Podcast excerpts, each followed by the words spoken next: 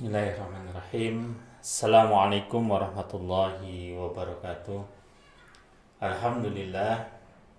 Alhamdulillahilladzi hamdan katsiran tayyiban mubarakan fi.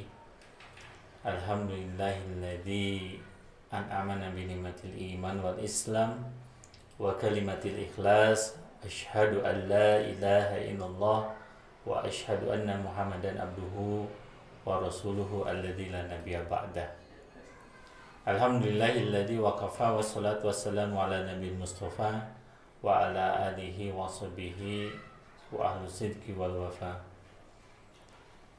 Allahumma arhamna bil Qur'an Allahumma ja'ana fi ahli al-Qur'an Allahumma barik fi auladina wa zuriyatina bil Qur'an Allahumma rizukna istiqamah tilawatil wa hifzil wa hamli da'watil Qur'an Allahumma la sahla ila ma ja'altahu sahlan wa anta taj'alu hasna ila syi'ta sahnan. Hadirin yang dimuliakan Allah Subhanahu wa taala, puji dan syukur tentunya hanya milik Allah. Tiada kuasa, tiada kehendak selain semuanya hanya milik Allah. Allah lah yang hingga hari ini masih menitipkan kepada kita nikmat yang di mana dengan nikmat itulah hari ini kita masih diberikan kesempatan untuk hidup menghirup udara ini merasakan nikmatnya sehat kelapangan waktu dan sebagainya. Dan tentunya tidak hanya itu bahwa Allah Subhanahu wa taala telah mengkaruniakan sebuah nikmat yang tentunya tidak akan bisa tergantikan dan ternilai dengan satu apa pun. Di mana hingga hari ini kita diberikan nikmat iman, nikmat Islam sehingga kita masih merasakan dengan nikmat ini bagaimana kita bisa menjadi seorang hambanya yang taat, kita masih menjadi hambanya yang senantiasa istiqomah dan tentunya senantiasa menjemput kebaikan, amal soleh, dan mempersembahkan bagaimana amal soleh ini menjadi bekal kita kelak kemudian bertemu dengan Allah Subhanahu wa taala. Sehingga Allah ridho terhadap apa yang kita lakukan hari ini dan semuanya itu Allah balas dengan surganya. Amin ya Allah ya rabbal alamin. Salawat dan salam senantiasa tercurah limpah pada junjungan baginda Nabi Yuna Rasulullah Muhammad sallallahu alaihi wasallam juga tersampaikan kepada keluarganya, para sahabatnya, para tabi'in, tabi'ut tabi'in dan tentunya kita umat yang senantiasa istiqomah di jalannya. Hadirin yang dimuliakan Allah Subhanahu wa taala, pada sore hari ini eh, sudah menjadi eh, bahasan yang telah disampaikan bahwa kita membahas sebuah tema ya tentang musibah. Mungkin sudah e, diketahui oleh kita semua bahwa di awal tahun ini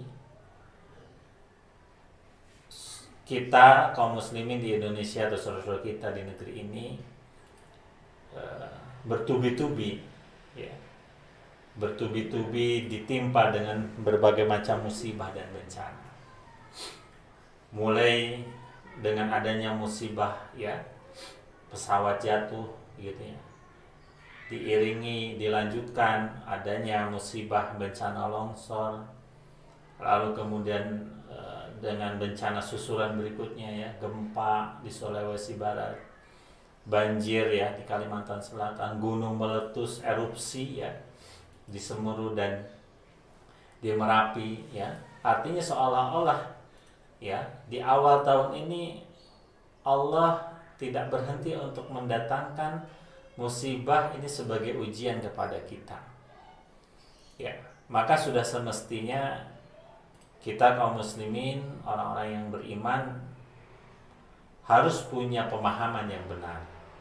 Sesungguhnya untuk apa Allah datangkan musibah ini semua? Apakah setiap musibah itu berpandangan buruk di hadapan manusia bisa jadi iya tapi kalau kita menggunakan ya bagaimana Allah mendudukan musibah maka sesungguhnya tidak lain kita pun harus bersyukur ya bahwa adanya musibah merupakan kebaikan yang juga perlu kita syukuri. Tentu lumrahnya pada umumnya orang mengatakan kalau musibah masa harus disyukuri. Musibah itu tentu bukan yang mendatangkan kebahagiaan.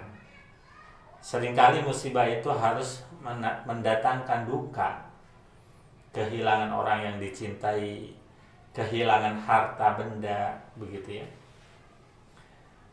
Maka e, sesungguhnya bagaimana mungkin ya musibah itu harus menjadi kebaikan yang perlu disyukuri. Maka mudah-mudahan di kesempatan singkat sore hari ini bersama Rumah Singgah Al-Fatih kita akan kembali belajar bagaimana kita mengambil bahwa musibah itu adalah sesuatu hal yang kebaikan yang perlu disyukuri.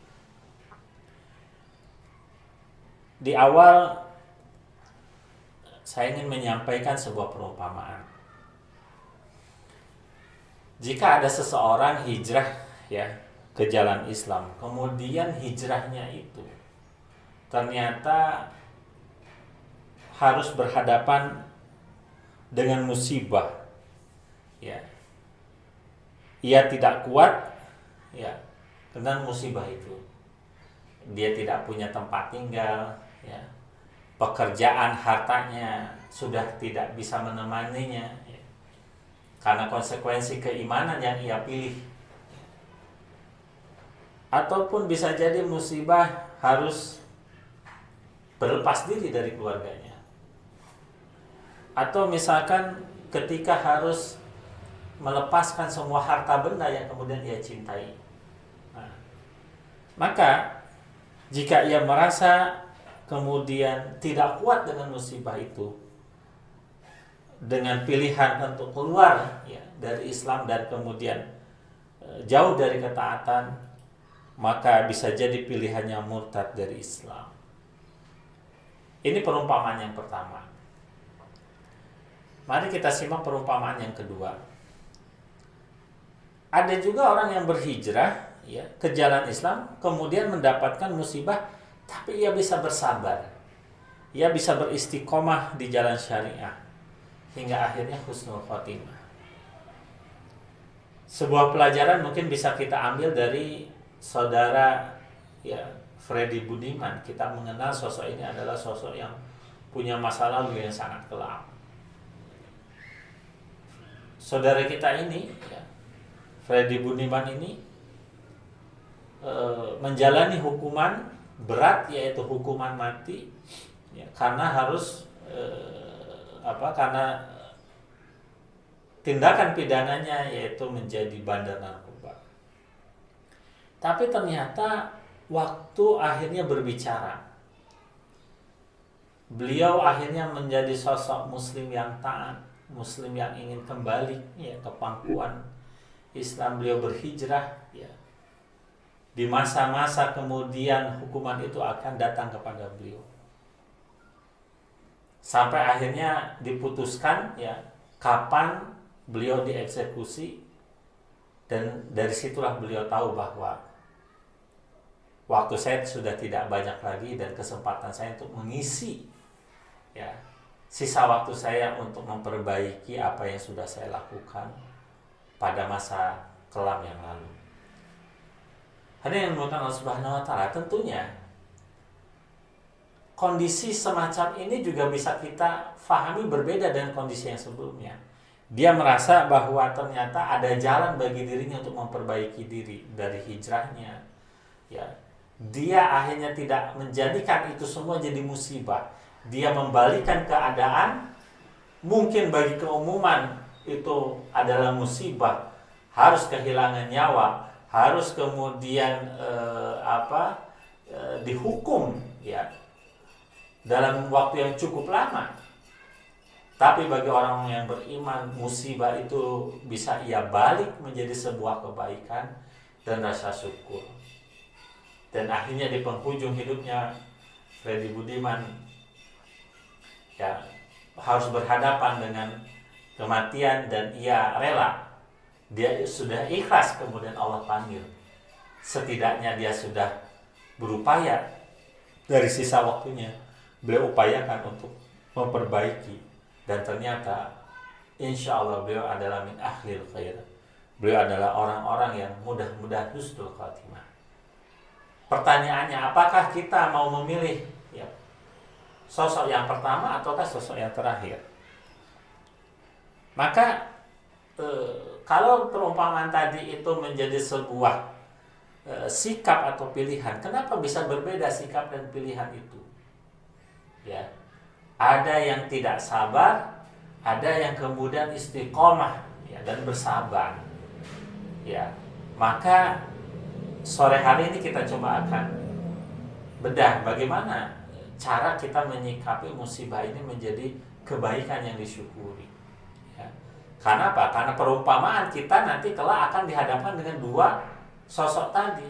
Orang yang dengan jalan hijrahnya, jalan Islamnya, apakah ia akan bersabar, dia istiqomah dengan berhadapan dengan musibah, atau ia keluar dari ketaatan, ya akhirnya kemudian ia murtad di jalan Islam. Mari kita simak. Ya, maka ada dua kacamata yang kemudian harus disa, di, diluruskan, ya terkait pemahaman pemandang, eh, pandangan tentang musibah. Nah, eh, bisa jadi perbedaan ya. Yang pertama adalah pemahaman dalam memandang musibah. Ya. Yang kedua adalah bisa jadi ya yang terjadi adalah perbedaan dalam masalah tingkat kesabaran dalam menghadapi musibah. Jadi ada dua ya. Pertama adalah perbedaan pemahaman dalam memandang musibah. Yang kedua adalah perbedaan tingkat kesabaran dalam menghadapi musibah. Jadi kalau kita bicara level kesabaran, maka level kesabaran inilah yang juga akan menjadi penentu kelak ya untuk berhak, untuk menyikapi uh, setiap musibah yang datang kepada kita kaum muslimin. Terus apa solusinya? Ya. Maka kita sebagai seorang muslim kaji kembali ya persepsi kita tentang musibah dan kesabaran. Sehingga kita punya persepsi yang benar ya sesuai dengan tuntunan syariah dan bisa kuat bersabar dalam menghadapi musibah. Jadi perbaiki persepsi ya terkait musibah dan kesabaran. Apa itu musibah? e, musibah adalah prinsipnya segala sesuatu yang menimpa manusia berupa keburukan atau sesuatu yang dibenci. Seumpama ya sebagaimana perumpamaan ya satu saat tali terompah Umar bin Khattab terputus dan jatuh. Maka ia pun mengucapkan kalimat istirja innalillahi lalu bertutur ya segala sesuatu yang tidak baik bagimu maka ia adalah musibah. Hadirin yang muliakan Allah Subhanahu wa taala, maka ya dari situ ada beberapa poin tentang musibah yang harus kita pahami. Mudah-mudahan ini bisa menjadikan diri kita menjadi sosok yang bisa siap dalam menghadapi dan menyikapi musibah. Yang pertama adalah musibah itu dimaknai sebagai al-bala al-intiqam. Ya. Musibah itu adalah balasan atas setiap keburukan yang dilakukan oleh manusia. Ya. Atas kejahatan yang dilakukan oleh manusia, apakah ia kafir, zalim, fasik agar menjadi pelajaran bagi orang-orang ini. Bala al-intikam ini sering kali kita dapatkan dan kita ketahui itu dari bagaimana Allah Subhanahu wa taala datangkan itu kepada umat-umat terdahulu yang mereka zalim ya kepada risalah para nabi-nabi sebelumnya atau mereka kemudian ingkar kafir atas ya risalah yang kemudian disampaikan oleh para nabi-nabi sebelumnya. Kita bisa melihat misalkan Allah datangkan banjir bah kepada umatnya Nuh. Ya, atau misalkan Allah datangkan e, bencana kepada kaum Samud ya angin yang luar biasa, petir yang menyambar begitu ya, menjadikan luluh lantak kaum Samud. Atau kemudian Allah juga datangkan bencana kepada e, kaum Lut, ya. Allah balikkan bumi ya karena perilaku mereka, kekufuran mereka, keingkaran mereka. Maka apa yang Allah datangkan kepada kaum-kaum sebelumnya itu adalah bala al-intiqam, adalah balasan atas keburukan. Maka perintah kepada para nabi biasanya adalah mereka diminta untuk menjauhi tempat yang di mana tempat itu akan didatangkan bencana sehebat-hebat bencana dan kemudian tidak ada yang bisa luput sedikit pun dari balasan Allah Subhanahu wa taala. Hadirin yang dimuliakan Allah Subhanahu wa taala. Maka bencana yang pertama musibah inilah yang harus kemudian kita orang-orang beriman ya berlindung. Kita berlindung dari Allah dari azab dan siksa Allah sebagaimana Allah datangkan ini kepada umat-umat terdahulu. Berikutnya musibah adalah al-bala al-tazkirah ya. Yaitu peringatan musibah ya yang datang kepada hamba Allah ya yang itu merupakan karena kemaksiatan, kesalahan ya akan tetapi masih ada kebaikan pada dirinya maka di mana musibah yang Allah timpakan itu segera untuk meminta ia bertaubat. Nah, jadi bala atau kira sebagai peringatan. Contoh misalkan, ketika seseorang begitu ya, ia bermaksiat. Contoh bentuk maksiatnya apa? Contoh bentuk maksiatnya adalah ia bermuamalah dengan sesuatu yang tidak halal atau dia bermuamalah di jalan riba. Allah datangkan peringatkan kepadanya ya dengan apa? Dengan harta benda yang kemudian menjadi ujian. Contoh misalkan, ia punya kendaraan tapi kemudian tiba-tiba Allah datangkan ujian musibah lewat kendaraannya. Ya, terjadi kecelakaan yang begitu hebat tapi Allah masih mengizinkan ya keselamatan bagi orang tersebut. Maka dalam hal ini ini masuk pada bala at peringatan. Untuk sesegera mungkin bertaubat dari kesalahannya ya dalam perilakunya.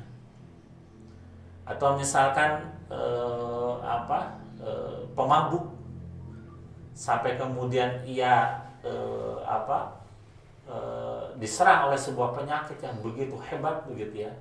Maka ini cara Allah untuk mengingatkan. Inilah musibah bala at-tazkirah.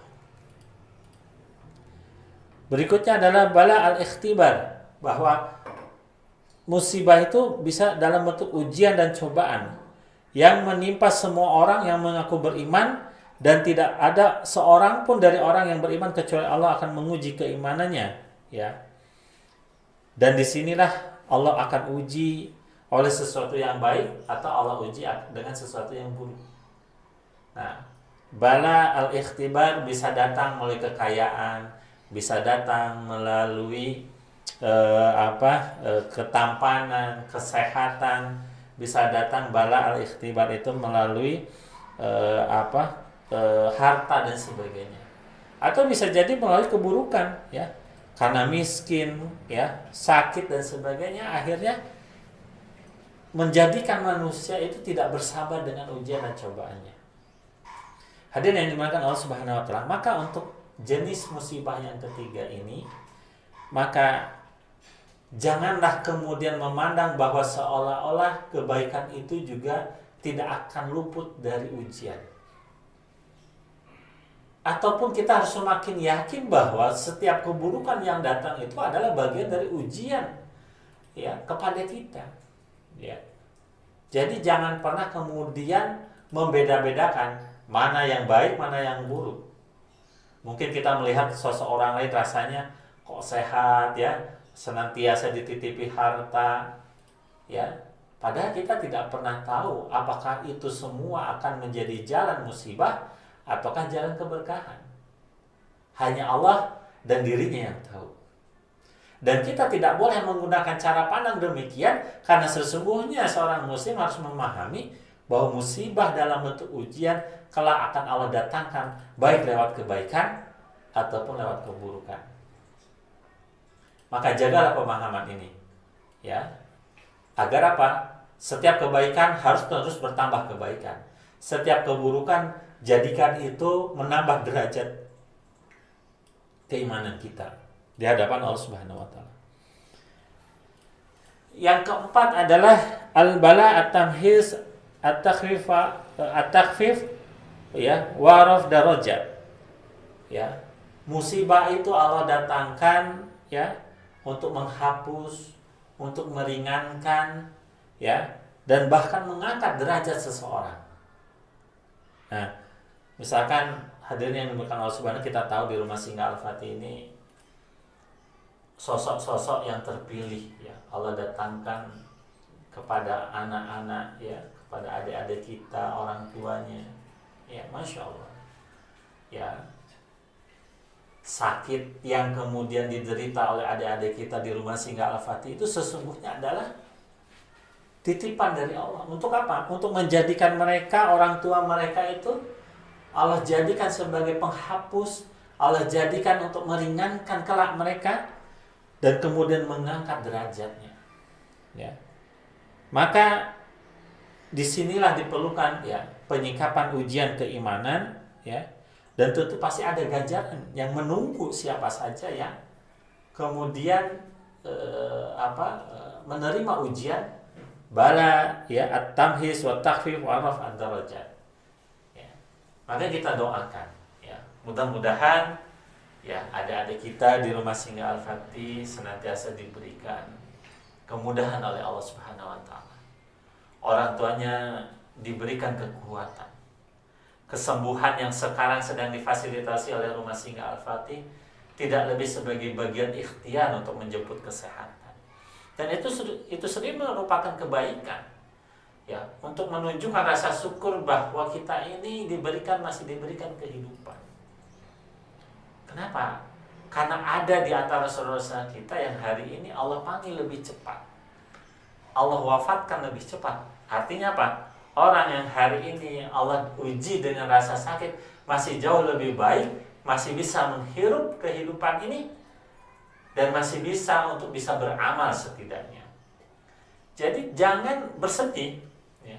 La tahzan illallah ma'ana. Janganlah bersedih bagi ya bapak ibu ya saudara-saudara kita para orang tua ya dari adik-adik kita yang hari ini sedang menempuh jalan kesembuhan ya sedang berobat bersama didampingi oleh rumah singgah Al-Fatih itu adalah bagian ya cara Allah menyayangi mereka ya cara Allah menyayangi mereka cara Allah menitipkan ya menjadikan mereka orang-orang terpilih. Karena telah Allah akan angkat derajatnya. Ingat bahwa Allah mengangkat derajat seseorang tidak hanya di dunia tetapi Allah mengangkat derajat seseorang juga kelak di yaumul akhir. Kelak ya Allah janjikan ya apa yang Allah eh, apa eh, yang sudah Allah berikan ujian kepada mereka maka Allah akan berikan surga ini masya Allah maka kita sebagai yang sehat kita sebagai orang yang diberikan kemampuan lebih dari itu harus lebih bisa bersyukur lagi gitu. Karena bayangkan gitu ya hal semacam ini saja bisa mengangkat derajat seseorang apalagi kita yang diberikan kesehatan yang diberikan kemuliaan. Maka gunakan apa yang Allah titipkan hari ini kehidupan ini. Islam kita keimanan kita itu untuk apa untuk mengangkat derajat kita di sisi Allah Subhanahu wa taala hadirin yang dimuliakan Allah Subhanahu wa taala ya kita tahu bahwa jalan menuju surga itu tidaklah mudah ya senantiasa ber berkelok-kelok ya maka Eh, Allah Subhanahu wa taala pasti akan senantiasa menguji hambanya. Ya. Walanabluwannakum bisai minal khawfi wal ju'i minal amwali wal anfusi wa samarat ya bahwa Allah Subhanahu wa taala akan mendatangkan kepada kita ujian atau cobaan ya dengan sedikit ketakutan, kelaparan ya. Lalu kemudian kekurangan harta, kehilangan jiwa dan buah-buahan. Jadi kalau kita bicara ujian ya kekurangan ketakutan itu adalah bagian ya untuk kemudian e, mengokohkan keimanan kita. Ya terus meningkatkan derajat keimanan kita. Karena sesungguhnya derajat yang dimaksud oleh Allah ya Allah terangkat apa angkat derajatnya juga untuk mengangkat derajat keimanan kita. Kualitas keimanan kita itu seperti hanya keimanan para nabi dan orang-orang soleh sebelumnya. Nah tidaklah kita rindu ya derajat keimanan kita sampai pada titik di mana kita disandingkan dengan para sahabat, keimanan para sahabat, keimanan para ulama, para orang-orang yang saleh terdahulu. Maka ujian adalah sebuah keniscayaan dari keimanan. Syekh Abdurrahman ya, As-Sa'di rahimahullah dalam tafsirnya menjelaskan. Mari kita simak. Allah Subhanahu wa taala memberitahukan bahwa Dia pasti akan menguji para hambanya dengan bencana-bencana agar menjadi jelas siapa di antara hambanya yang sejati ataukah pendusta. Siapa di antara hambanya yang sabar dan yang berkeluh kesah. Maka ujian yang Allah datangkan dalam rangka keimanan ya setidaknya untuk bisa membedakan mana orang-orang yang uh, apa sejati di hadapan Allah Subhanahu wa taala dan mana orang-orang yang menjadi pendusta di sisi Allah Subhanahu wa taala. Hati-hati hari ini kita diperlihatkan orang-orang yang berdusta atas nama agama. Ya. Mereka ya hari ini mengeluarkan banyak pernyataan berdusta atas agama. Ya. Maka orang-orang semacam ini adalah pasti orang-orang yang kelak akan tidak lulus dalam ujian keimanannya. Ya. Jadi orang-orang yang lulus ujian keimanan itu adalah orang-orang yang sejati dan bersabar. Tetapi orang-orang yang tidak lulus dengan ujian keimanannya, maka dia akan menjadi pendusta dan orang-orang ini akan berkeluh kesah. Inilah ketetapan Allah kepada hamba-hambanya. Nah, hadirin yang dimuliakan Allah Subhanahu wa taala ya bahwa ini bukan bukan semata-mata ungkapan manusia, tetapi inilah makna yang paling sangat dalam yang kemudian yang harus kita pahami sebagai seorang muslim. Maka jika kebahagiaan selalu menyertai kaum mukminin, maka tidak ada bencana dan niscaya percampuran tidak ada pemisah. Ya, jadi artinya Allah akan memisahkan lewat ujian itu mana yang beriman dan mana yang kufur di hadapan Allah Subhanahu wa taala. Ya. Inilah hikmah yang Allah berikan ya kepada seorang muslim akan adanya ujian. Ya. Sebagai pemisah mana yang beriman, mana yang kufur. Hadirin yang dimuliakan Allah Subhanahu wa taala, semakin kuat iman maka akan semakin diuji. Itulah. Ya mulai baginda Rasulullah Shallallahu Alaihi Wasallam. Ya. Wahai Rasulullah siapa manusia yang paling berat cobaannya? Ketika sahabat bertanya kepada Rasulullah SAW lalu kemudian Rasulullah bersabda para nabi kemudian orang-orang soleh dan kemudian generasi setelahnya dan generasi setelahnya. Siapa generasi setelahnya? Insya Allah itu ditujukan kepada kita. Umatnya Rasul umatnya akhir zaman dan hari ini kita sebagai generasi setelahnya yang disebut tadi. Maka seseorang akan diuji sesuai dengan kadar agamanya. Apabila ia kuat dalam agamanya, maka ujian akan ditambah. Ya, masya Allah. Misalkan kita melihat bagaimana ujian itu diberikan oleh Allah kepada Nabiullah Ibrahim alaihissalam. Allah uji ya Nabi Ibrahim alaihissalam dengan uh, apa uh, ketika ia dibakar ya, akan dihilangkan nyawanya dengan cara dibakar tapi Allah datangkan pertolongan Tidak sampai di situ Allah uji kembali Nabiullah Ibrahim alaihissalam dengan tidak punya keturunan. Ya. Sampai kemudian Nabi Ibrahim alaihissalam ya akhirnya mendapatkan keturunan. Tapi bayangkan, lama tidak memiliki keturunan, ya Nabiullah Ibrahim alaihissalam harus segera meninggalkannya bersama istri tercinta, tercintanya Siti Hajar. Karena apa? Karena harus memenuhi panggilan tugas dari Allah Subhanahu wa taala. Ketika kemudian Nabiullah Ibrahim alaihissalam kembali dan bertemu dengan putranya, Allah uji lagi melalui sebuah mimpi. Ya, Allah uji dengan perintah untuk menyembelih Nabiullah Ismail alaihissalam dan Nabi Ibrahim AS tidak pernah satupun bergeser pendiriannya. Ya, bergeser pendiriannya selain berupaya untuk memenuhi apa yang menjadi perintah dari Allah Subhanahu dan ujian keimanan itu akhirnya Allah luluskan dengan menggantikan Nabiullah Ismail alaihissalam dengan seekor kibas. Hadirin yang dimuliakan Allah Subhanahu betapa tingginya nilai-nilai tauhid yang kemudian diajarkan oleh para nabiullah ya Rasulullah SAW kita melihat ya Rasulullah Muhammad SAW ya mulai dari kehilangan orang-orang yang tercintanya kemudian diboikot dalam dakwahnya tidak sedikit kemudian banyak yang melukai dirinya tetapi itulah bagian dari ujian yang di Allah datangkan kepada seorang nabi dan kita umatnya maka tidak henti-hentinya ya. Apabila agamanya tidak kuat maka ujian akan diringankan darinya. Tidak henti-henti ujian menimpa seorang haba hingga ia berjalan di muka bumi dan tidak memiliki kesalahan sedikit pun. Masya Allah.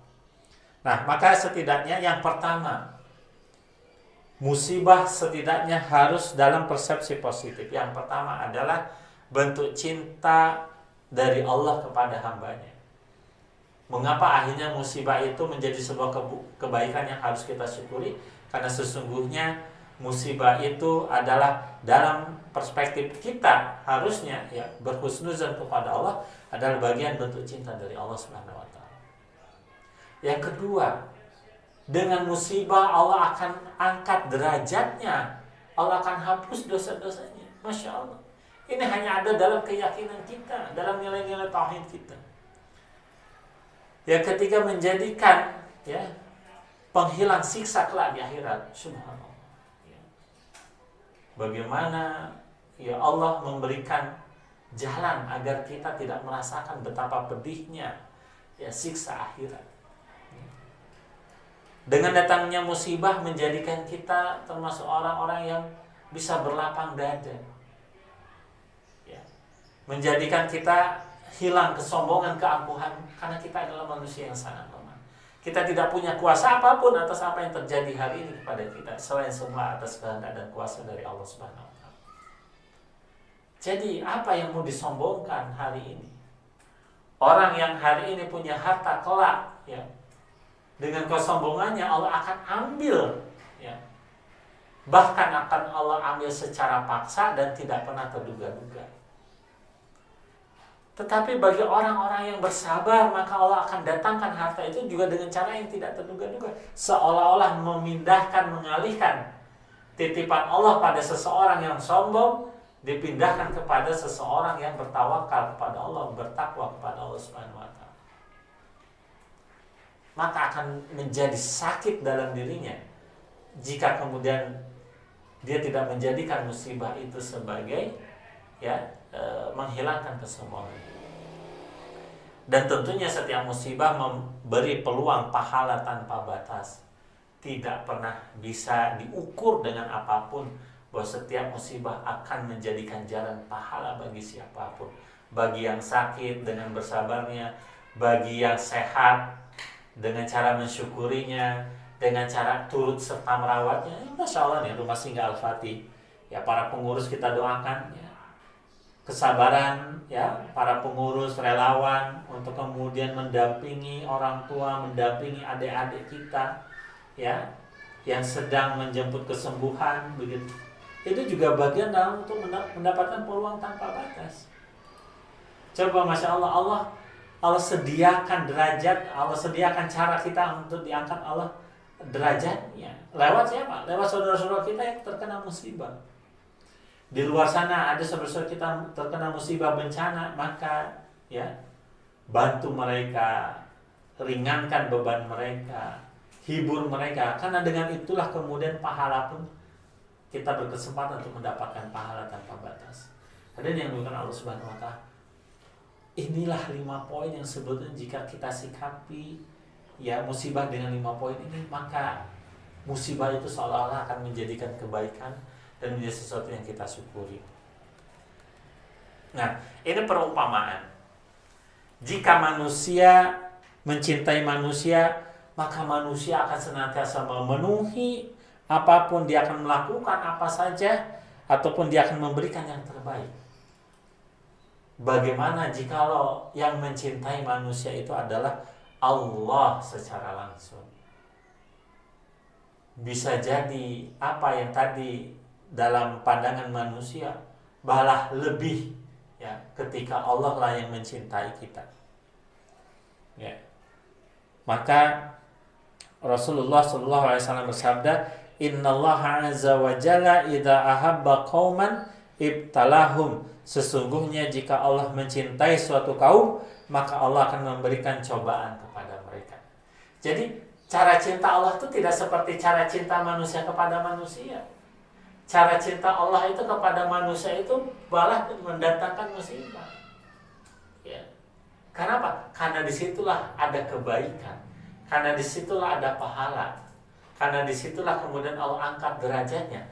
Karena dari situlah kemudian Allah hapus segala dosanya Allah ringankan ya e, dari siksa yaumil akhir menjadikan musibah itu melembutkan hati kita hati yang tadinya keras ya tidak bisa menerima hidayah akhirnya hati ini menjadi sangat lembut ya dengan datangnya musibah itu masya Allah tabarakallah mudah-mudahan kita termasuk orang-orang yang demikian maka musibah juga hati-hati bisa jadi menimpa karena dosa kita. Di dalam Quran surat Asy-Syu'ara ya, Allah Subhanahu wa taala berfirman. A'udzubillahi minasyaitonirrajim. Bismillahirrahmanirrahim. Wa ma asabakum min musibatin fabima kasabat aydinas. Dan siapa dan apa saja musibah yang menimpa kamu maka akan disebabkan oleh perbuatan tangan dan dosa-dosa. Di dalam Quran surat Ar-Rum ayat 41 Allah Subhanahu wa taala pun berfirman, Bismillahirrahmanirrahim. Zoharul fasadu fil bari wal bahri bima kasabat aidinas. Telah terjadi kerusakan di darat dan di lautan akibat perbuatan tangan manusia. Seorang ulama bernama Syekh ya, Imam Ali As-Sobuni dalam kitabnya Sofatul Tafasir menjelaskan bima kasabat aidinas adalah bisababi ma'asinasi wazunubihim bahwa kerusakan itu terjadi karena dosa manusia banjir yang terjadi karena berpindahnya fungsi hutan dialihkan kepada fungsi pertanaman apa pertambangan dan fungsi untuk menanam ya e, komoditas sawit. Longsor terjadi karena berubahnya ya struktur kawasan menjadi kawasan yang harusnya dilindungi, yang harusnya terjaga, di situlah berdiri rumah-rumah, dibangun rumah-rumah, dibangun tempat tinggal. Jadi musibah itu kadangkala datang karena kemaksiatan kita, karena perilaku manusia yang merusak, karena perilaku manusia yang serakah. Maka hati-hatilah ya bahwa musibah akan datang dalam bentuk seperti itu. Hadirin yang dimuliakan Allah Subhanahu wa taala. Ya. Atau juga musibah bisa karena dosa, kekufuran, kesyirikan, dosa besar dan yang lainnya. Ya, saya sangat heran misalkan kemarin ya ada yang mengatakan bahwa ada perkumpulan perdukunan nasional, masya Allah. Ya. Akan ada festival santet hal yang seperti inilah yang kemudian mendatangkan ya musibah perilaku kesyirikan. Nauzubillah nauzubillah kita berlindung kepada Allah Subhanahu wa taala. Ya. Inilah yang kemudian secara terang-terangan ya, kesyirikan itu dinampakkan difasilitasi begitu ya. Maka inilah yang kita khawatirkan ya. Allah datangkan kembali musibah sebagai bentuk peringatan berikutnya sebagai bentuk balasan karena yang terkena bukan hanya mereka kita orang-orang yang beriman juga akan mendapatkan dampak dari kemaksiatan ataupun dosa-dosa itu maka bisa jadi kalau kemudian musibah ya itu terjadi kepada kita karena ada kewajiban yang dilalaikan, ada keharaman yang dikerjakan, ya, atau misalkan musibah juga tadi akan mengangkat ya derajat dan menghapus dosa, ya. Dijelaskan tidak seorang mukmin terkena duri dan lebih dari itu melainkan Allah akan mengangkat derajatnya dengannya dan dihapuskan kesalahan. Maka kita mendapatkan penjelasan berikutnya sebagai Rasulullah mengatakan Bersabda tidaklah seorang muslim mendapatkan kelelahan, sakit, kecemasan, kesedihan, marah bahaya dan juga kesusahan hingga duri yang menusuknya melainkan Allah akan menghapuskan dari dosa-dosanya. Ya, insya Allah ya begitu banyak keutamaan. Ya. Ini yang kemudian menarik. Ya, ini yang disampaikan oleh Ibnu Qayyim al Jauziyah dalam Udatus Sobirin. Beliau menyampaikan kalau bukan karena musibah yang kita alami di dunia, sekali lagi, mohon diperhatikan hadirin yang dimuliakan Allah. Kalau bukan karena musibah-musibah yang kita alami di dunia, niscaya kita akan datang pada hari kiamat dalam keadaan bangkrut. Masya Allah. Perumpamaan dari Imam Ibnu Qayyim al-Jauziyah ini sebenarnya ingin menyampaikan pesan kepada kita. Andaikan tidak ada musibah, sesungguhnya pahala kita hari ini sudah habis. Kita sudah tidak punya lagi bekal kita kelak. Maka Allah datangkan musibah sesungguhnya dalam rangka untuk terus menambah bekal kita, pahala kita. Saya sangat terkagum dengan ungkapan Imam Ibnu Qayyim al-Jauziyah ini bahwa andaikan musibah itu tidak kita alami di dunia maka kelak kemudian di hari kiamat kita akan datang secara bangkrut maka mulai dari sejak sekarang insya Allah saya juga secara pribadi para pengurus rumah singgah Al-Fatih juga berharap ya bahwa apa yang Allah datangkan hari ini ujian mendampingi pasien, mengurusi pasien, orang tua yang mungkin hari ini juga menyaksikan ya orang tua pasien ya jadikan musibah ini sebagai pengangkat derajat sebagai bekal kita sebagai kebaikan. Karena perkataan Imam Ibnu Qayyim al bahwa andaikan musibah itu tidak dititipkan oleh Allah kepada kita hari ini maka kita akan datang kerak di hari kiamat dalam keadaan bang bangkrut muflis orang yang tidak punya bekal amal bahkan cenderung dia sedang membawa keburukan dalam dirinya. Bangkrut itu tidak hanya sekedar kosong amalnya, kebaikannya, tetapi dia sudah menumpuk keburukan dalam dirinya. Sudah ada tidak tersisa kebaikan sedikit. Bahkan yang tersisa hanyalah keburukan. Itulah orang-orang yang bangkrut. Hadir yang dimuliakan Allah Subhanahu wa taala, maka musibah tadi mengangkat derajat ya ini adalah sesuatu yang kemudian e, pasti ya lalu kita lanjutkan bahwa menghilangkan siksa akhirat tadi juga sudah dijelaskan lalu kemudian e, apa bahwa kita sadar banyak catatan dosa yang kita torehkan maka musibah di dunia kita terima karena ini sementara ataukah kita menginginkan musibah kelak yang kekal di akhirat? Naudzubillah mudah-mudahan ya musibah dunia ini hanya se sementara saja.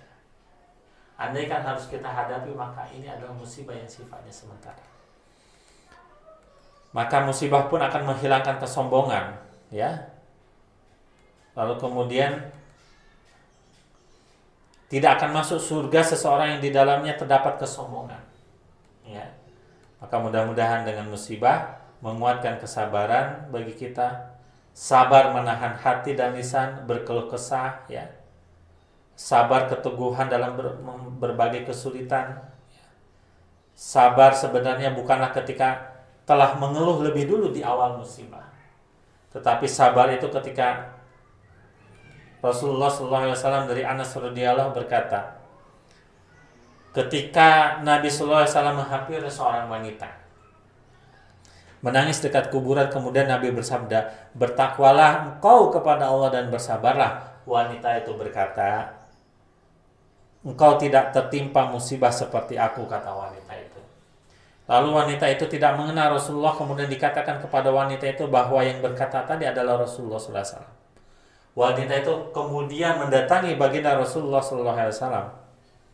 Ia tidak menemukan penjaga pintu sehingga ia masuk ke dalam rumah Nabi dan berkata, Aku tidak mengenal engkau. Rasulullah SAW bersabda sesungguhnya kesabaran itu pada saat pertama kali ditimpa musibah. Ketika pertama kali ditimpa musibah, maka di situlah kesabaran. Masya Allah. Hadirin yang dimuliakan Allah Subhanahu wa taala, maka sabar adalah perintah Allah ya, banyak dalil ya. Dalam Quran surat Ali Imran, ya ayyuhalladzina amanus biru wasabiru, ya ayyuhalladzina amanus ta'inu bisobri ya di dalam Quran surat Al-Baqarah ya. Insyaallah silahkan nanti kita perkuat lagi ya. Juga dijelaskan wabasyiris sobirin ya, maka kabar gembira bagi orang-orang yang bersabar ya ya orang yang bersabar adalah yang dicukupkan pahala mereka tanpa batas. Para pengurus rumah singgah Al-Fatih, para orang tua, ya eh, adik-adik kita yang sedang menjemput kesembuhan maka insya Allah merupakan orang-orang yang mendapatkan kabar gembira ya dari Allah Subhanahu Wa Taala. Ya karena mereka telah bersabar ya. Tentu bersabar ini disertai dengan penuh perwujudan rasa syukur ya terus kemudian membangun hubungan dengan Allah Subhanahu wa taala sehingga kita bisa merasakan apa yang Allah ya dekatkan dengan kita itu betul-betul terjadi. Maka kita tahu ya keutamaan bersabar ya e, para ulama mengatakan pahala bagi orang yang bersabar tidak bisa ditakar dan ditimbang, masya Allah. Pahala orang bersabar tidak bisa ditakar dan ditimbang. Jadi kalau begitu itu betapa besarnya pahala itu. Kita tahu kalau misalkan kita membeli sesuatu ya, berapa kilo ya, berapa liter, berapa panjang, itu bisa ditakar. Tapi ulama mengatakan, Imam Al-Auza'i mengatakan bahwa pahala sabar itu adalah sesuatu yang tidak bisa ditakar dan ditimbang. Masya Allah, mudah-mudahan kita termotivasi ya dan mereka benar-benar akan mendapatkan ketinggian derajat. Ini janji Allah.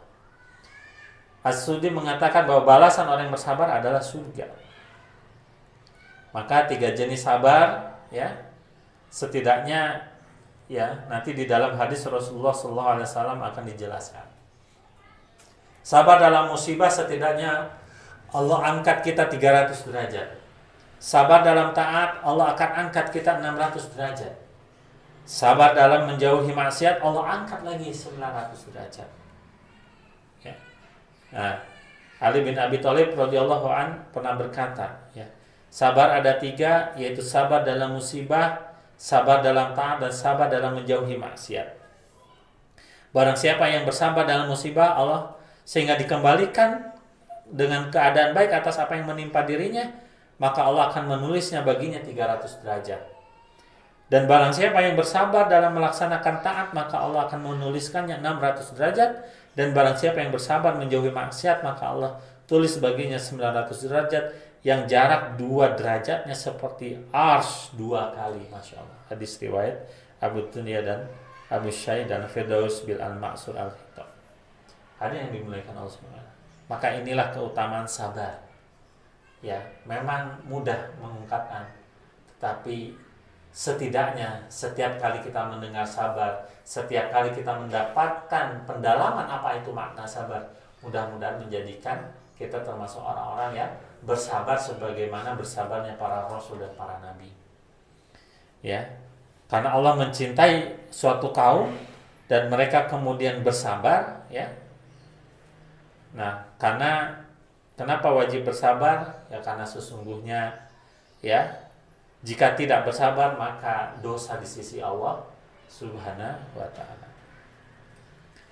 Berikutnya eh, ridho terhadap qadha ya ketetapan Allah juga menjadi sebuah eh, apa eh, janji dari Allah bahwa siapa saja yang kemudian ya eh, ridho dengan ketetapan Allah ya maka Allah akan mencintai kaum itu Terus kemudian musibah adalah qada dari Allah, ya kita tidak boleh berkeluh kesah karena tidak ada sesuatu musibah yang kemudian menimpa seseorang kecuali dengan izin Allah.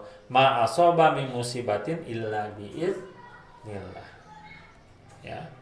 Ini yang mungkin bisa saya sampaikan mungkin dalam keadaan uh, dalam kajian sore hari ini. Mudah-mudahan ada manfaatnya untuk hadirin yang dimakan Allah Subhanahu wa taala jika ada pertanyaan yang kemudian ingin kita diskusikan sharing ya pada kesempatan e, sore hari ini boleh silahkan ya disampaikan nanti insya Allah pertanyaan itu akan dikirimkan ya e, kepada saya ya oleh e, apa e, tim dari rumah singa Al-Fatih mudah-mudahan kita ada kesempatan untuk membahasnya.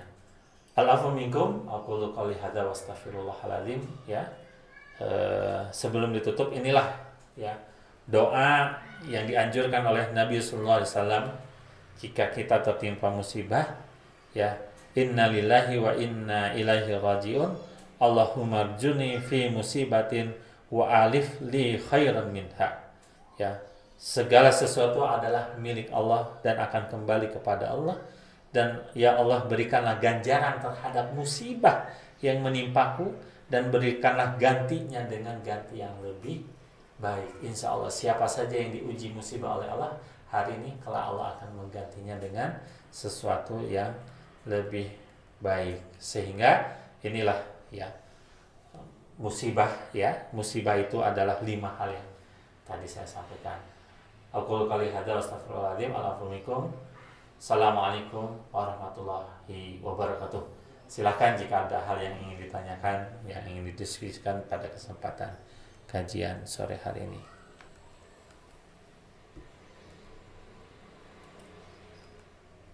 Apakah sudah ada yang masuk ataukah belum? Baik, sambil kita menunggu ya, eh, ada yang menggunakan Allah Subhanahu Wa Taala. Eh, maka eh, jika mendapatkan musibah setidaknya ada lima poin ya. Ada bersyukur bersabar ridho introspeksi diri dan taubat. Inilah ya tadi sudah kita bahas ya. E, bersyukur karena di dalamnya mengandung kebaikan ya. E, bersabar karena banyak pahala tanpa batas ya. Dan dosa jika tidak bersabar juga begitu ya. Lebih baik bersabar ya karena dengan tidak bersabar malah jadi dosa. Lebih baik bersabar karena mendapatkan pahala. Ridho ya karena musibah datangnya berdasarkan ketetapan Allah. Tidak ada makhluk pun yang berkuasa atas itu. Jatuhnya pesawat tidak ada yang bisa menembak ya. Dan itu semua atas kehendak dan kuasa Allah. Atau misalkan menjadikan e, apa muhasabah ya setiap musibah itu karena mungkin bisa jadi selama ini kita bermaksiat kepada Allah, kita lalai terhadap Allah, gitu ya. Maka itulah hadirin yang dimuliakan Allah Subhanahu wa taala, mudah-mudahan ya kajian kita terkait musibah ini menjadi ya, penting ya di saat hari ini rangkaian bencana musibah bertubi-tubi datang kepada kita. Nah, maka mudah-mudahan sekali lagi ini adalah ujian keimanan. Karena ada nih sambil uh, kita menunggu. Uh, di lokasi bencana ya ujian itu ternyata tidak mudah ya. Misalkan contoh ya uh, saya punya teman-teman yang bergiat di tanggap darurat dalam setiap kegiatan bencana. Ternyata saudara-saudara kita yang diuji musibah ya itu ternyata juga diuji kesabarannya masya Allah ya. Diuji keimanannya Contoh kita lihat misalkan pada beberapa waktu yang lalu ketika ada sekelompok ya ya e, pengungsi gitulah ya yang kemudian mereka tidak bisa bersabar akhirnya harus menjarah ya. truk yang mengangkut bantuan ya saking seperti itulah ujiannya begitu yang datang kepada mereka nah bukan hal yang mudah betul gitu tetapi kita harus menjadi sosok orang yang kemudian bagaimana ya oh, harus bertambah kebaikan bukan keburukan ya. Kita khawatir malah ketika keburukan terjadi ya malah Allah datangkan lagi bencana Allah goncangkan lagi bumi ini Allah datangkan banjir lagi. Masya Allah itu yang kita tidak harapkan. Hadirin yang dimuliakan Allah Subhanahu Wa Taala ya maka datangnya musibah ya atau bencana ya maka e, tentu itu juga menjadi nasihat bagi kita ya. Kenapa menjadi nasihat bagi kita? Karena agar hati kita yang selama ini mungkin keras ya. Keras karena dosa keras karena kemaksiatan keras karena kelalaian itu bisa menjadi lembut mudah-mudahan ya karena apa? Karena lembutnya hati itu akan memudahkan datangnya hidayah. Lembutnya hati akan mudah untuk menerima nasihat. Seringkali nasihat tidak mempan, tapi ketika Allah datangkan kematian, maka sebagaimana Rasulullah mengatakan, sebaik-baik nasihat adalah kematian itu sendiri. Ya, maka di situlah kemudian ya ditambah kondisi kita hari ini masih dalam keadaan pandemi ya masya Allah ya. Bencana datang silih berganti ya. Pandemi pun seolah-olah tidak kunjung usai selesai ya. Maka jadikanlah diri kita ini termasuk orang-orang yang pandai untuk mengingat kematian. Hadir yang dimakan Allah Subhanahu wa taala ada yang menarik ya ketika eh, bicara bahwa musibah itu kenapa harus berakhir dengan duka dan kesedihan? Ya.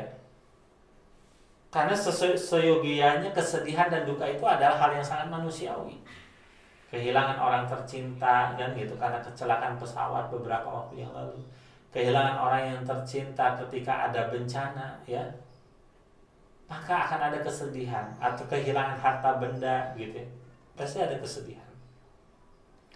Nah menarik kalau kita kemudian mengambil sebuah nasihat ya dari seorang ulama ya karya ibu eh, ibnu Abi Dunya ya. Beliau menyampaikan seperti ini. Kala Ibrahimul uh, Adham ya. Jadi uh, disampaikan al husnu ya. Uh, husnani ya. Bahwa kesedihan itu ada dua ya. Fahus ya. Fahusnul laka ya.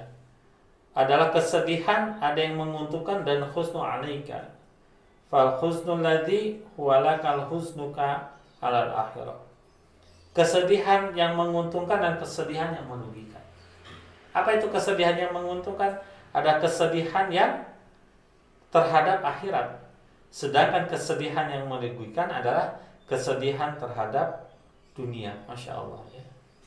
Jadi kalau kita sedih ya dengan urusan dunia maka hati-hatilah.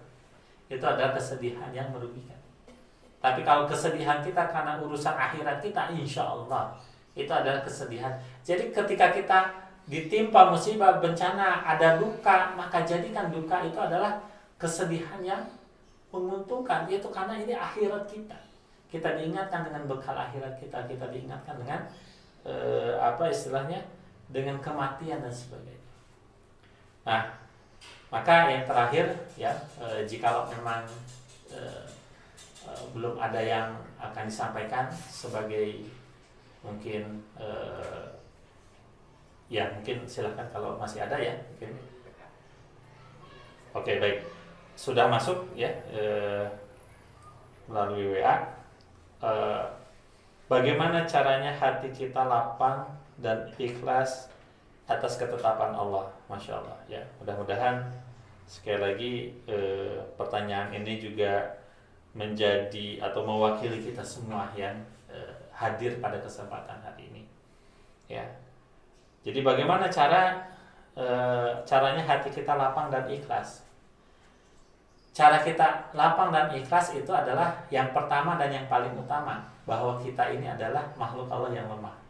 Yang gitu. Jadi kalau Allah sudah menetapkan, jangan pernah kemudian berpikir kita bisa lepas dari apa yang menjadi ketetapan Allah atau menolak ketetapan dari Allah. Karena kita adalah makhluknya. Ya. Kita ada dalam kuasanya. Itu yang pertama.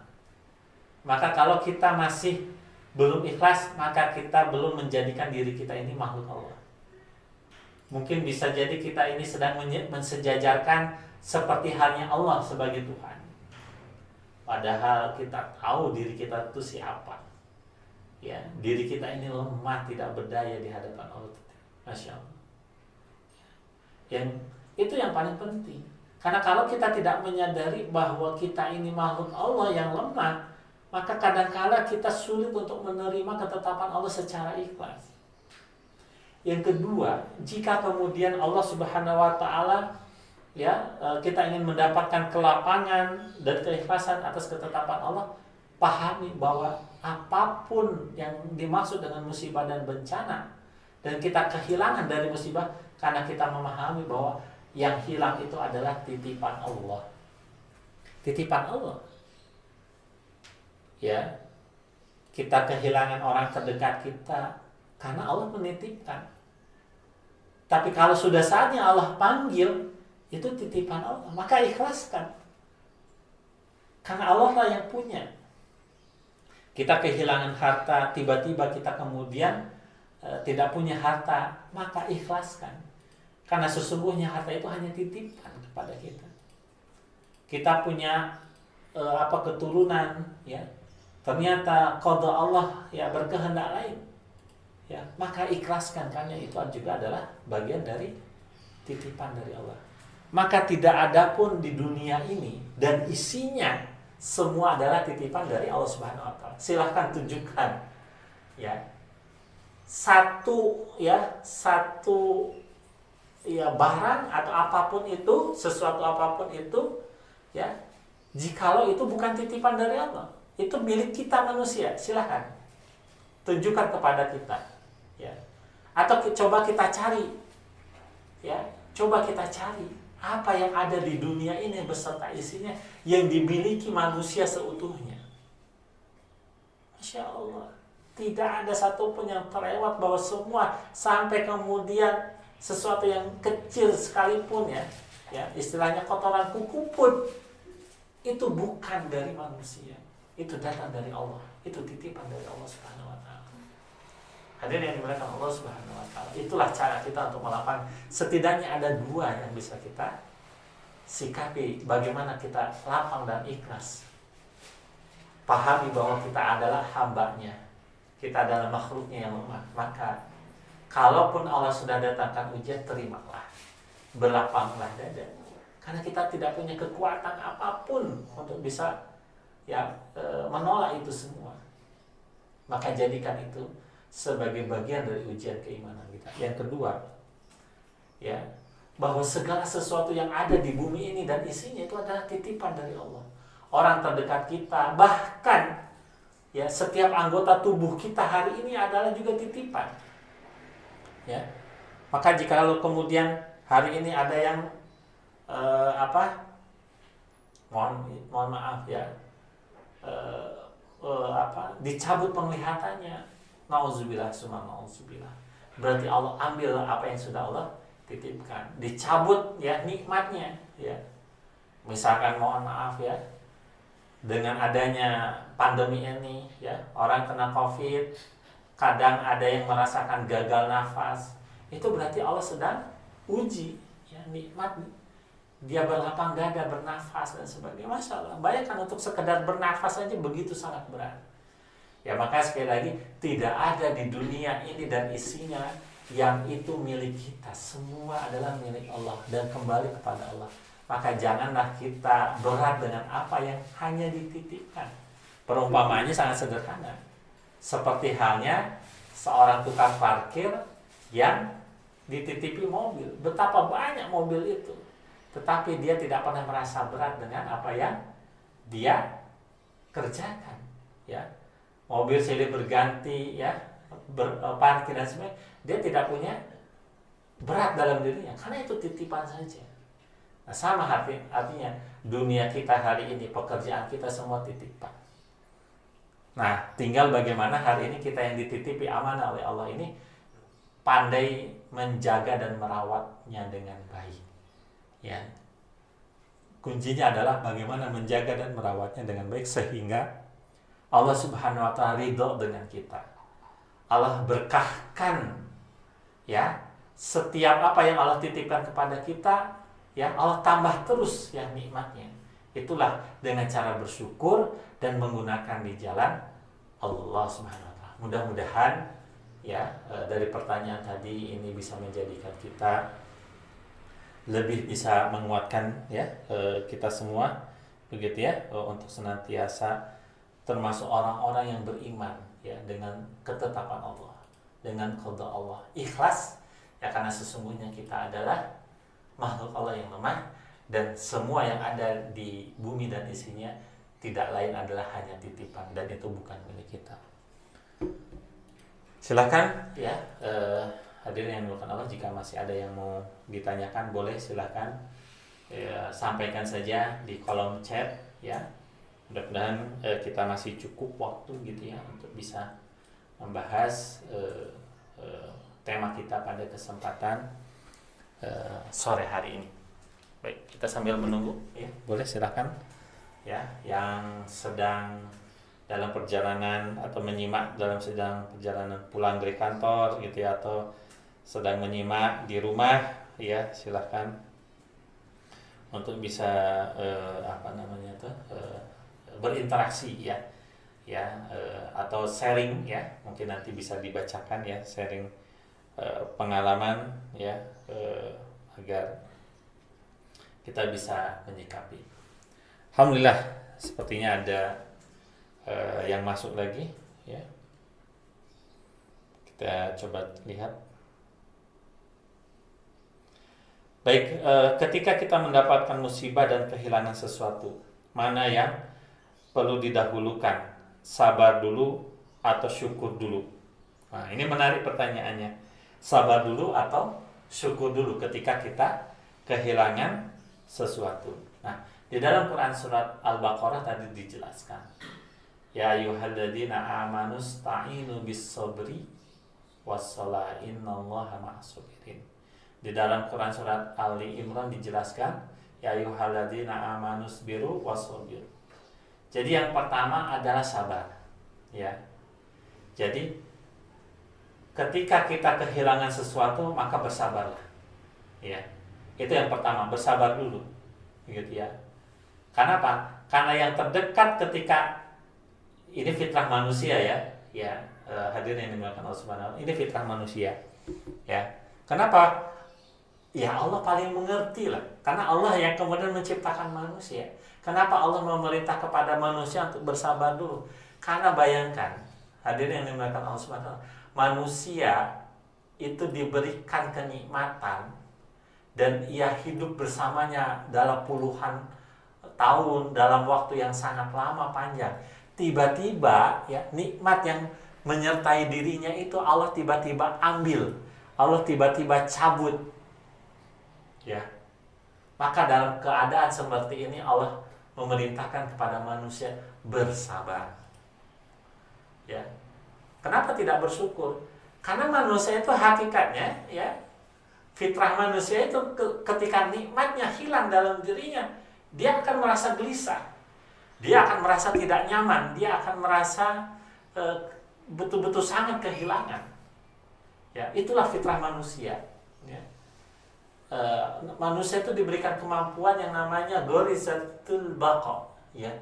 Naluri dirinya akan men, akan merespon ketika nikmat yang selama ini menyertai dirinya tiba-tiba hilang Allah cabut ya sebagai ujian atasnya. Manusia itu akan berkeluh kesah manusia itu tidak nyaman dan sebagainya. Maka Allah perintahkan yang pertama adalah sabar Ya, dalam keterangan yang lain sabar itu bagian dari setengah keimanan. Nah, setengah keimanan berikutnya adalah baru bersyukur. Nah, jadi kalau begitu mana yang lebih dulu? Sabar. Nah, karena ketika Allah cabut nikmat yang menyertai dirinya, ya, yang menemani dirinya setiap saat tiba-tiba Allah cabut, ya, misalkan contoh diuji dengan sakit, tidak pernah menyangka Allah datangkan ujian sakit yang sebelumnya kita merasakan nikmat sehat. Nah, maka bersabar. Yang kedua, barulah sempurnakan keimanan itu setelah bersabar dengan bersyukur. Ya Allah, ya. Kenapa perlu bersyukur? Karena bisa jadi ujian yang Allah berikan kepada kita adalah ujian yang memang Allah pahami ya eh, apa kita pahami bahwa Allah betul-betul ngerti bahwa kita bisa menjalani ujian itu. Jadi artinya ada ujian yang jauh lebih berat yang sebetulnya bisa jadi itu Allah berikan kepada yang lain. Maka syukurlah apa pun. Ya Allah, ya Allah hari ini misalkan saya ya sakit ya. Sakit maka mungkin ini jauh lebih ringan daripada saudara saya mungkin ya yang di kesempatan yang lain misalkan masih belum sadar dari koma dan sebagainya. Maka di situlah setengah keimanan sabar dan setengahnya lagi sebagai penyempurna adalah syukur.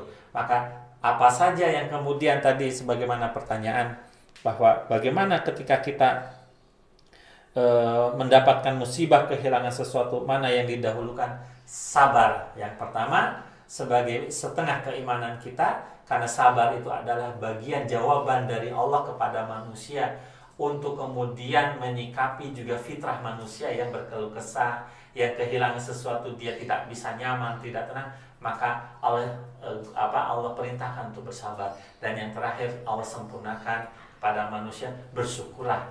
Bisa jadi Allah datangkan eh, ujian itu sebetulnya tidak seberapa. Jika Allah datangkan ujian yang jauh lebih berat atau ada yang jauh lebih berat daripada itu.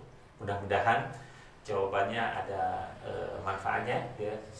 Mudah-mudahan itu mengokohkan ya buat saya pribadi ya kita semua yang hadir pada hari ini ya e, bahwa e, sabar syukur itu adalah ibarat e, apa e, dua sisi mata uang yang tidak bisa dipisahkan.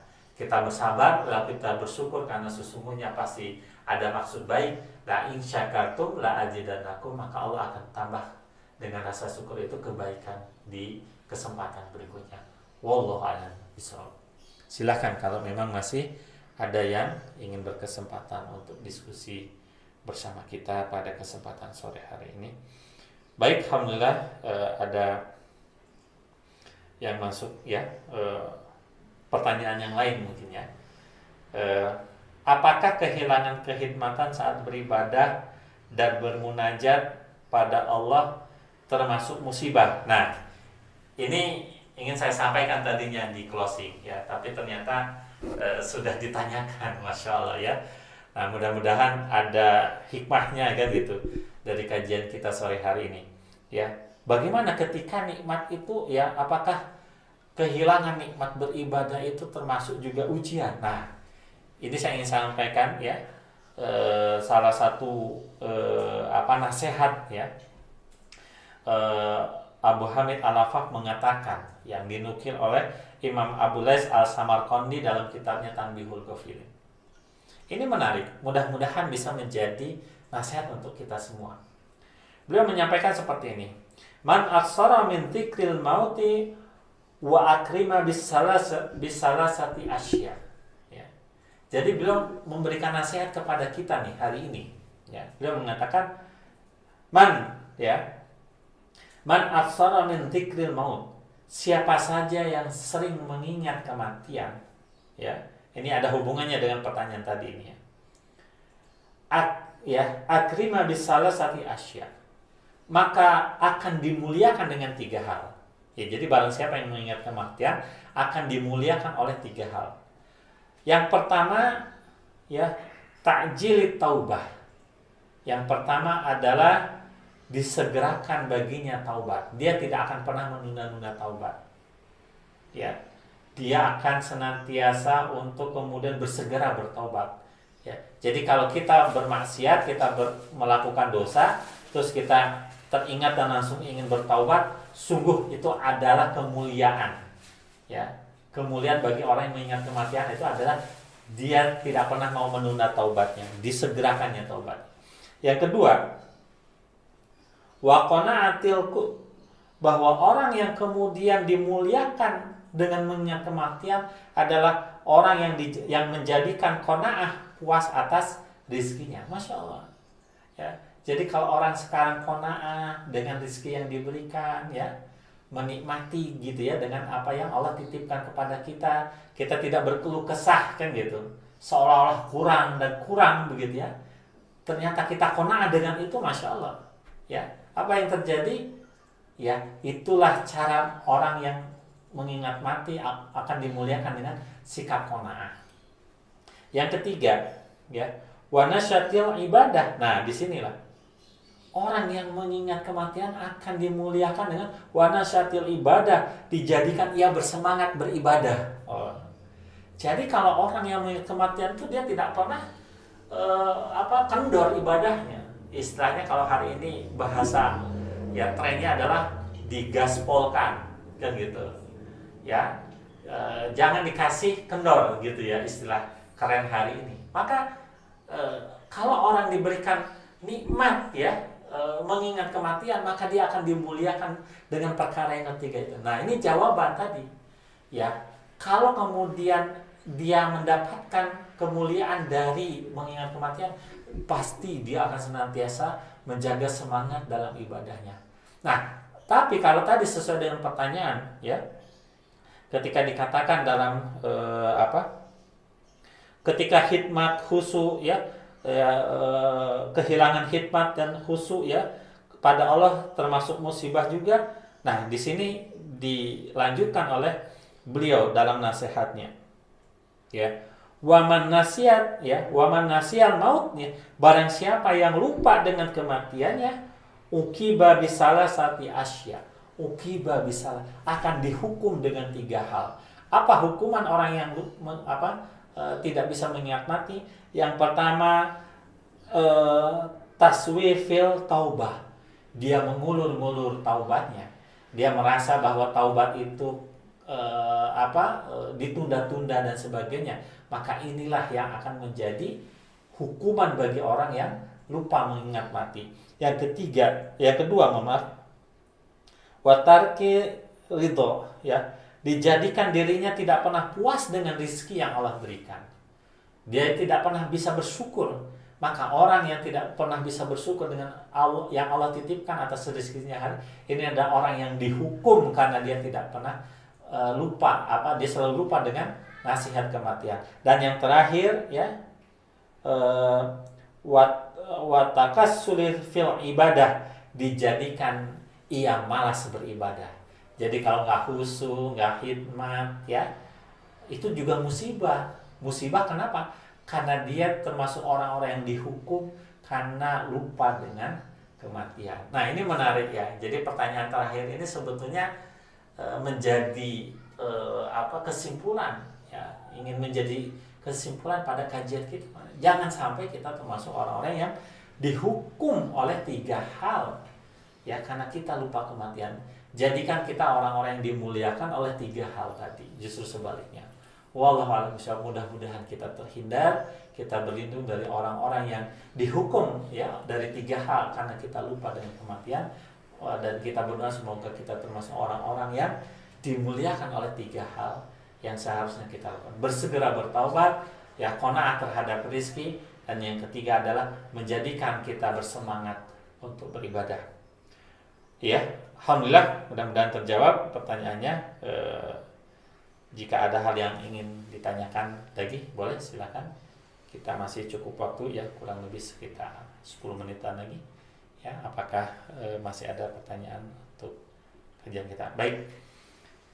E, kalau tidak ada ya, e, maka mudah-mudahan e, jawaban atas pertanyaan terakhir tadi juga bagi kajian kita hari ini adalah closing ya bahwa jangan sampai kita termasuk orang-orang yang dihukum oleh Allah Subhanahu wa taala ya eh, terhadap apa yang kemudian eh, kita lupa yaitu kematian. Tapi jadikanlah kematian itu sebagai cara kita untuk dimuliakan. Sehingga kita bersemangat ibadah, kita dimuliakan dengan konaan dengan rezeki dan titipan dari Allah dan kita dimuliakan karena e, kita bersegera bertaubat. Maka nikmat bertaubat itu masya Allah ya jangan e, apa disia-siakan. Begitu ya. Jadi ketika kita berbuat salah segera bertobat artinya kita termasuk orang-orang yang sedang dimuliakan karena kita mengingat kematian. Barakallahu liwalakum mudah-mudahan e, keberkahan ada kepada kita semua. Hadirin Allah yang menyimak ya. Tayangan kajian Rumah Singgah Al-Fatih pada kesempatan sore hari ini. Dan tentunya jangan pernah berhenti untuk senantiasa e, bersyukur ya. E, kita melihat profil Rumah Singgah Al-Fatih melihat eh, apa pasiennya melihat orang tuanya maka banyaklah bersyukur. Karena sesungguhnya dengan syukur itu Allah akan titipkan kembali kita nikmat. Dan janganlah lupa untuk bersabar.